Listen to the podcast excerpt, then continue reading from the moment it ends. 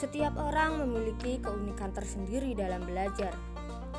Ada yang lebih senang melihat video, mendengarkan saja, bahkan ada juga yang senang melakukan pembelajaran itu sendiri. Podcast ini adalah salah satu alternatif pembelajaran buat kamu yang lebih suka mendengarkan. Selamat datang di ruang belajar IPA Asik bersama Bu Tutu dengan semangat belajar. Insya Allah kita bisa.